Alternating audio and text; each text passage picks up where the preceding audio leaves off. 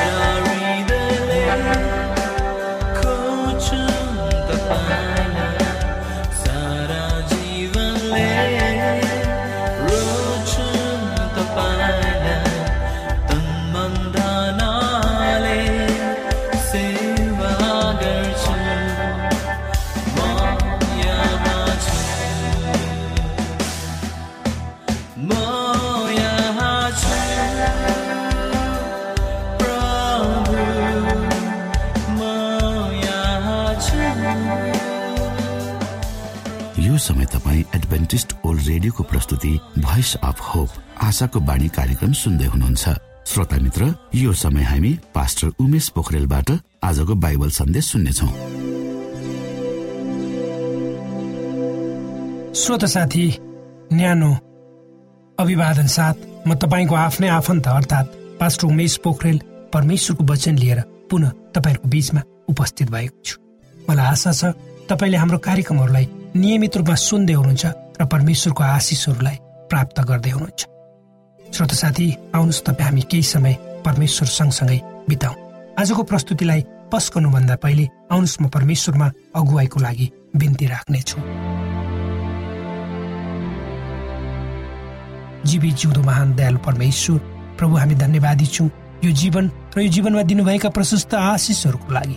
प्रभु यो रेडियो कार्यक्रमलाई म तपाईँको हातमा राख्दछु। यसलाई तपाईँको राज्य र महिमाको प्रचारको खातिर यो देश र सारा संसारमा पुर्याउनुहोस्। ताकि धेरै मानिसहरू जो अन्धकारमा हुनुहुन्छ उहाँहरूले तपाईँको ज्योतिलाई देख्न सकुन् र तपाईँको राज्यमा प्रवेश गर्न सकुन्। सबै बिन्ती प्रभु यीशुको नाममा। आमेन।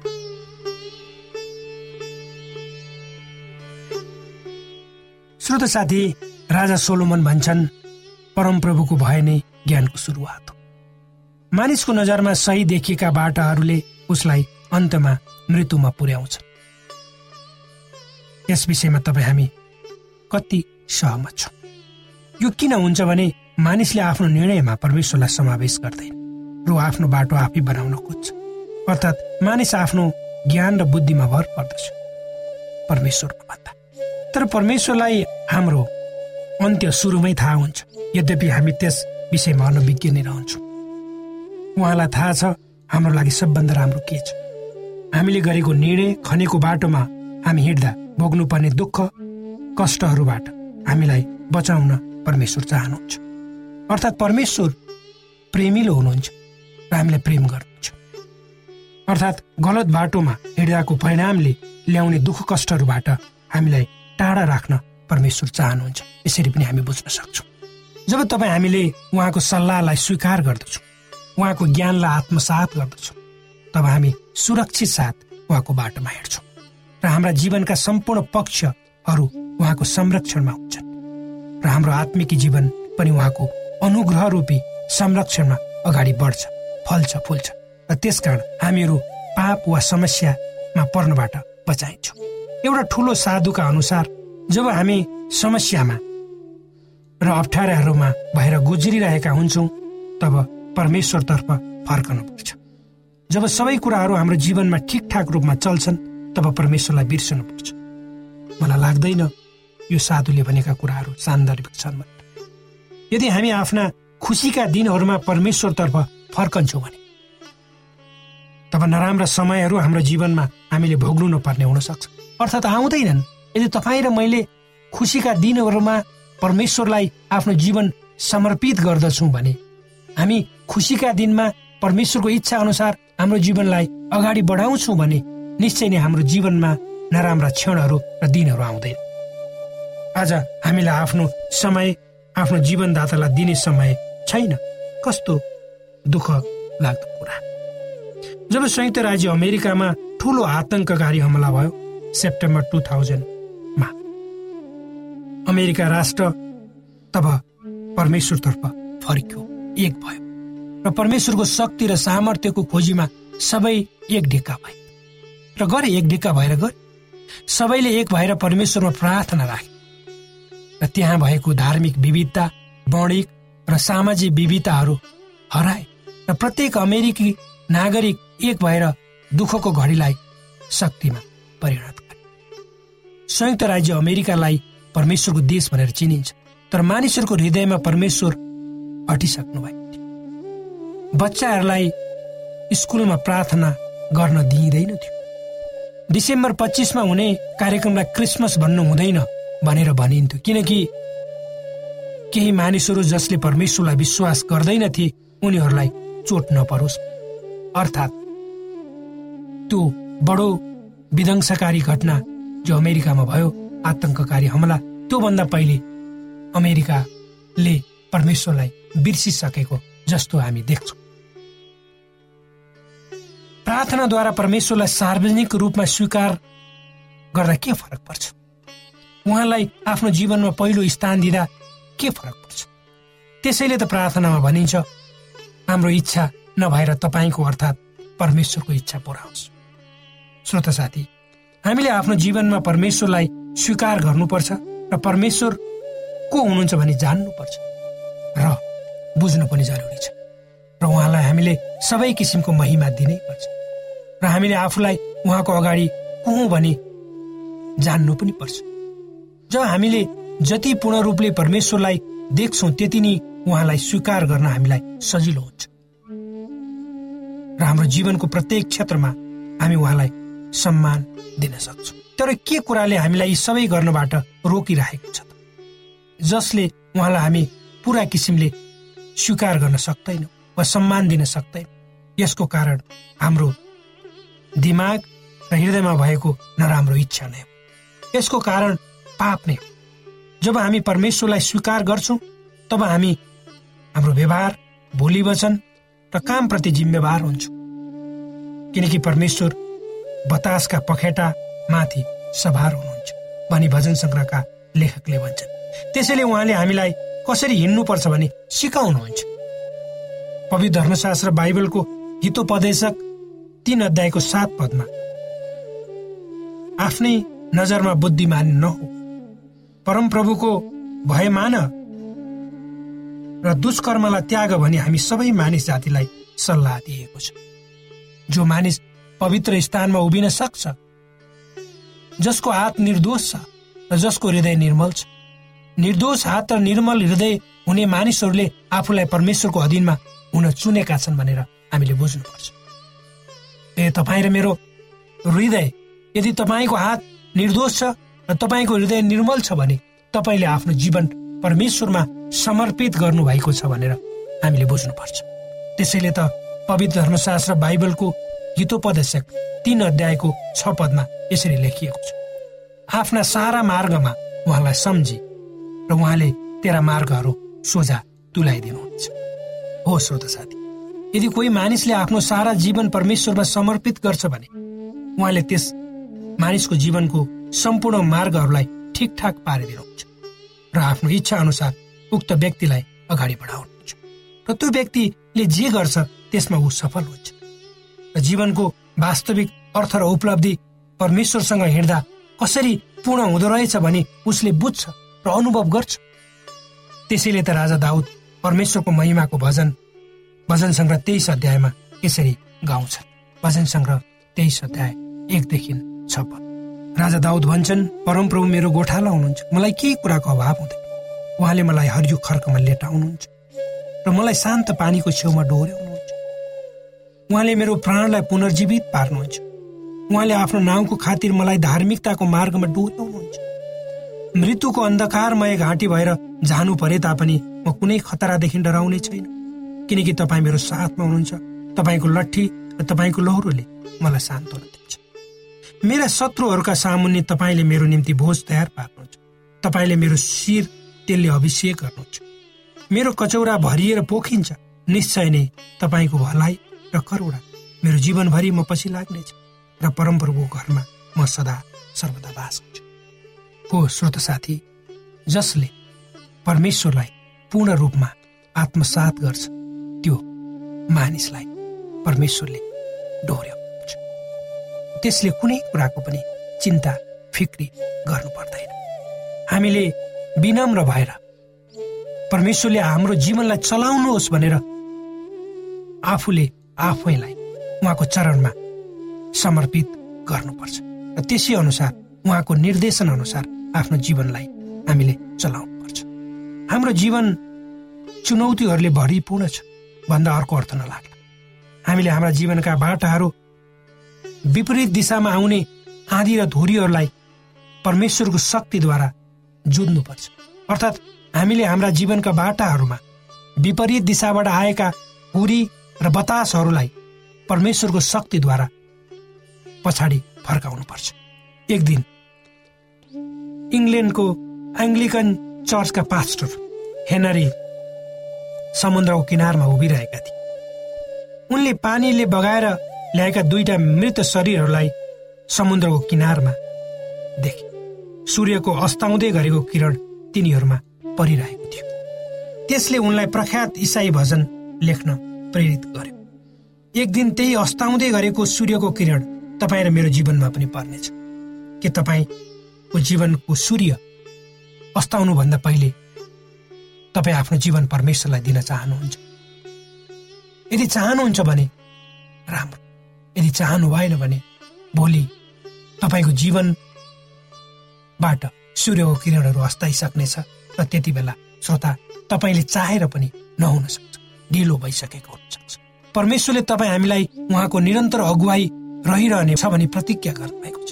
यदि हामीले उहाँलाई आफ्नो जीवनमा आमन्त्रण गर्यौँ भने स्वार्थी वा म मात्र भन्ने मानिसलाई परमेश्वरले अगुवाई गर्नुहुन् जबसम्म तपाईँ र मैले आफूलाई पूर्ण रूपले परमेश्वरमा समर्पण गर्दै जब तपाईँ हामीले परमेश्वरलाई आफ्नो जीवन समर्पित गर्छौँ तब हामी पानीले भिजेको बगैँचा जस्तै हुन्छौँ। अर्थात् परमेश्वरको आत्मिकी पानी कहिले सकिँदैन। र उहाँले हाम्रो सम्पूर्ण आवश्यकताहरूलाई पुरा गरिदिनुहुन्छ। तर हामीले आफ्नो कर्तव्य पनि गर्नुपर्छ श्रोता। जसरी एउटा मालीले आफ्नो बगैँचामा भएका सबै किसिमका फुलहरूको हेरचाह गर्छ त्यसरी नै क्रिस्ट यसु बगैँचाको मालिक हुनुहुन्छ। जुन यो प्रकृति हो र उहाँले हामी सबैको हेरचाह गर्नु। क्रिस जीवित पानीको मुहान हुनुहुन्छ। र उक्त पानी कहिले पनि सुक्दैन त्यसै गरी परमेश्वरका जनहरू पनि जीवित पानीका कुवाहरू हुनुपर्छ। ती कुवाहरू कहिले पनि सुक्दैनन् र धेरै मानिसहरू जो तिर्खाएका छन् ती तिर्खाएका मानिसहरूले त्यो कुवामा आएर आफ्नो प्यास मेट्न सकुन्। जुन हेनरी न्युमेनले यसरी प्रार्थना गरे एक दिन। प्रभु म भित्र चम्कनुहोस् म भित्र रहनुहोस्। जो जो मेरो सम्पर्कमा आउँछन् तिनीहरूले तपाईँको उपस्थिति मेरो जीवनबाट पाउन्। तिनीहरूले मलाई नहेरी प्रभु येसुलाई हेरौँ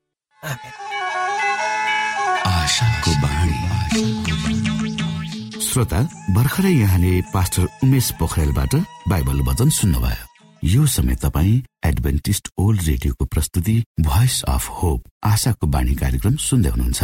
कार्यक्रम सुनेर बस्नुहुने सबै श्रोतालाई हामी हाम्रो कार्यक्रममा स्वागत गर्न चाहन्छौ।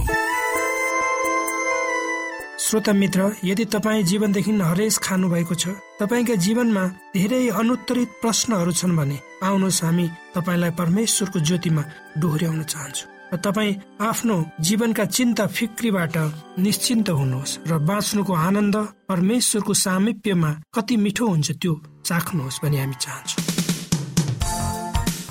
श्रोता यदि तपाईँ आशाको बाणी कार्यक्रमलाई अनलाइन सुन्न चाहनुहुन्छ वा डाउनलोड गर्न चाहनुहुन्छ भने डट ओआरजीमा जानुहोस्। त्यहाँ तपाईँले प्रत्येक दिनको कार्यक्रम सुन्न र डाउनलोड गर्न सक्नुहुनेछ। हाम्रो वेब पेज यस प्रकार छ डब्लु डब्लु डब्लु डट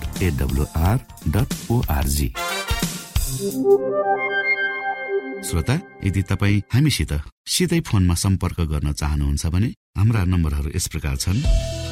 अन्ठानब्बे एकसाठी पचपन्न शून्य एक सय बिस अन्ठानब्बे एकसाठी पचपन्न शून्य एक सय बिस र अर्को अन्ठानब्बे अठार त्रिपन्न पन्चानब्बे पचपन्न. अन्ठानब्बे अठार त्रिपन्न पन्चानब्बे पचपन्न.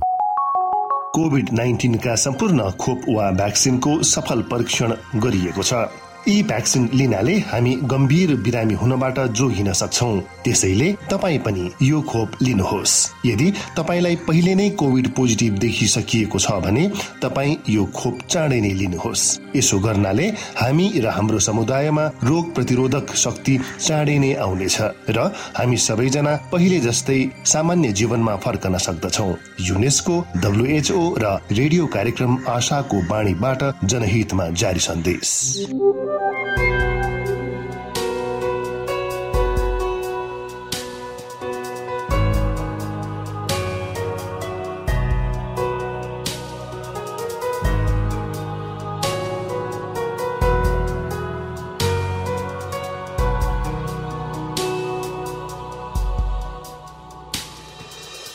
अरूको हित छैन। आदरको योग्य एक मात्र मालिक अरूको छैन। सिंहासनको योग्य एक मात्र राजा अरूको छैन। आदरको योग्य एक मात्र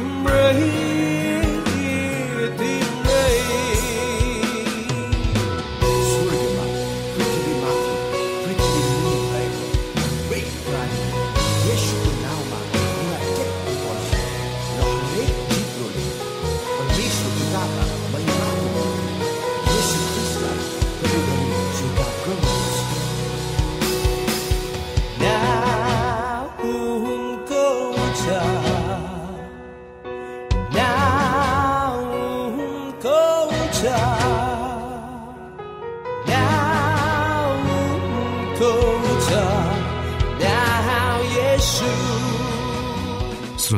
घडीको सुईले समय सकिन लागेको संकेत गरिसकेको छ। हाम्रो ठेगानाको बारेमा यहाँलाई जानकारी गरौं। आशाको बाणी पोस्ट बक्स नम्बर दुई शून्य शून्य शून्य दुई काठमाडौँ नेपाल।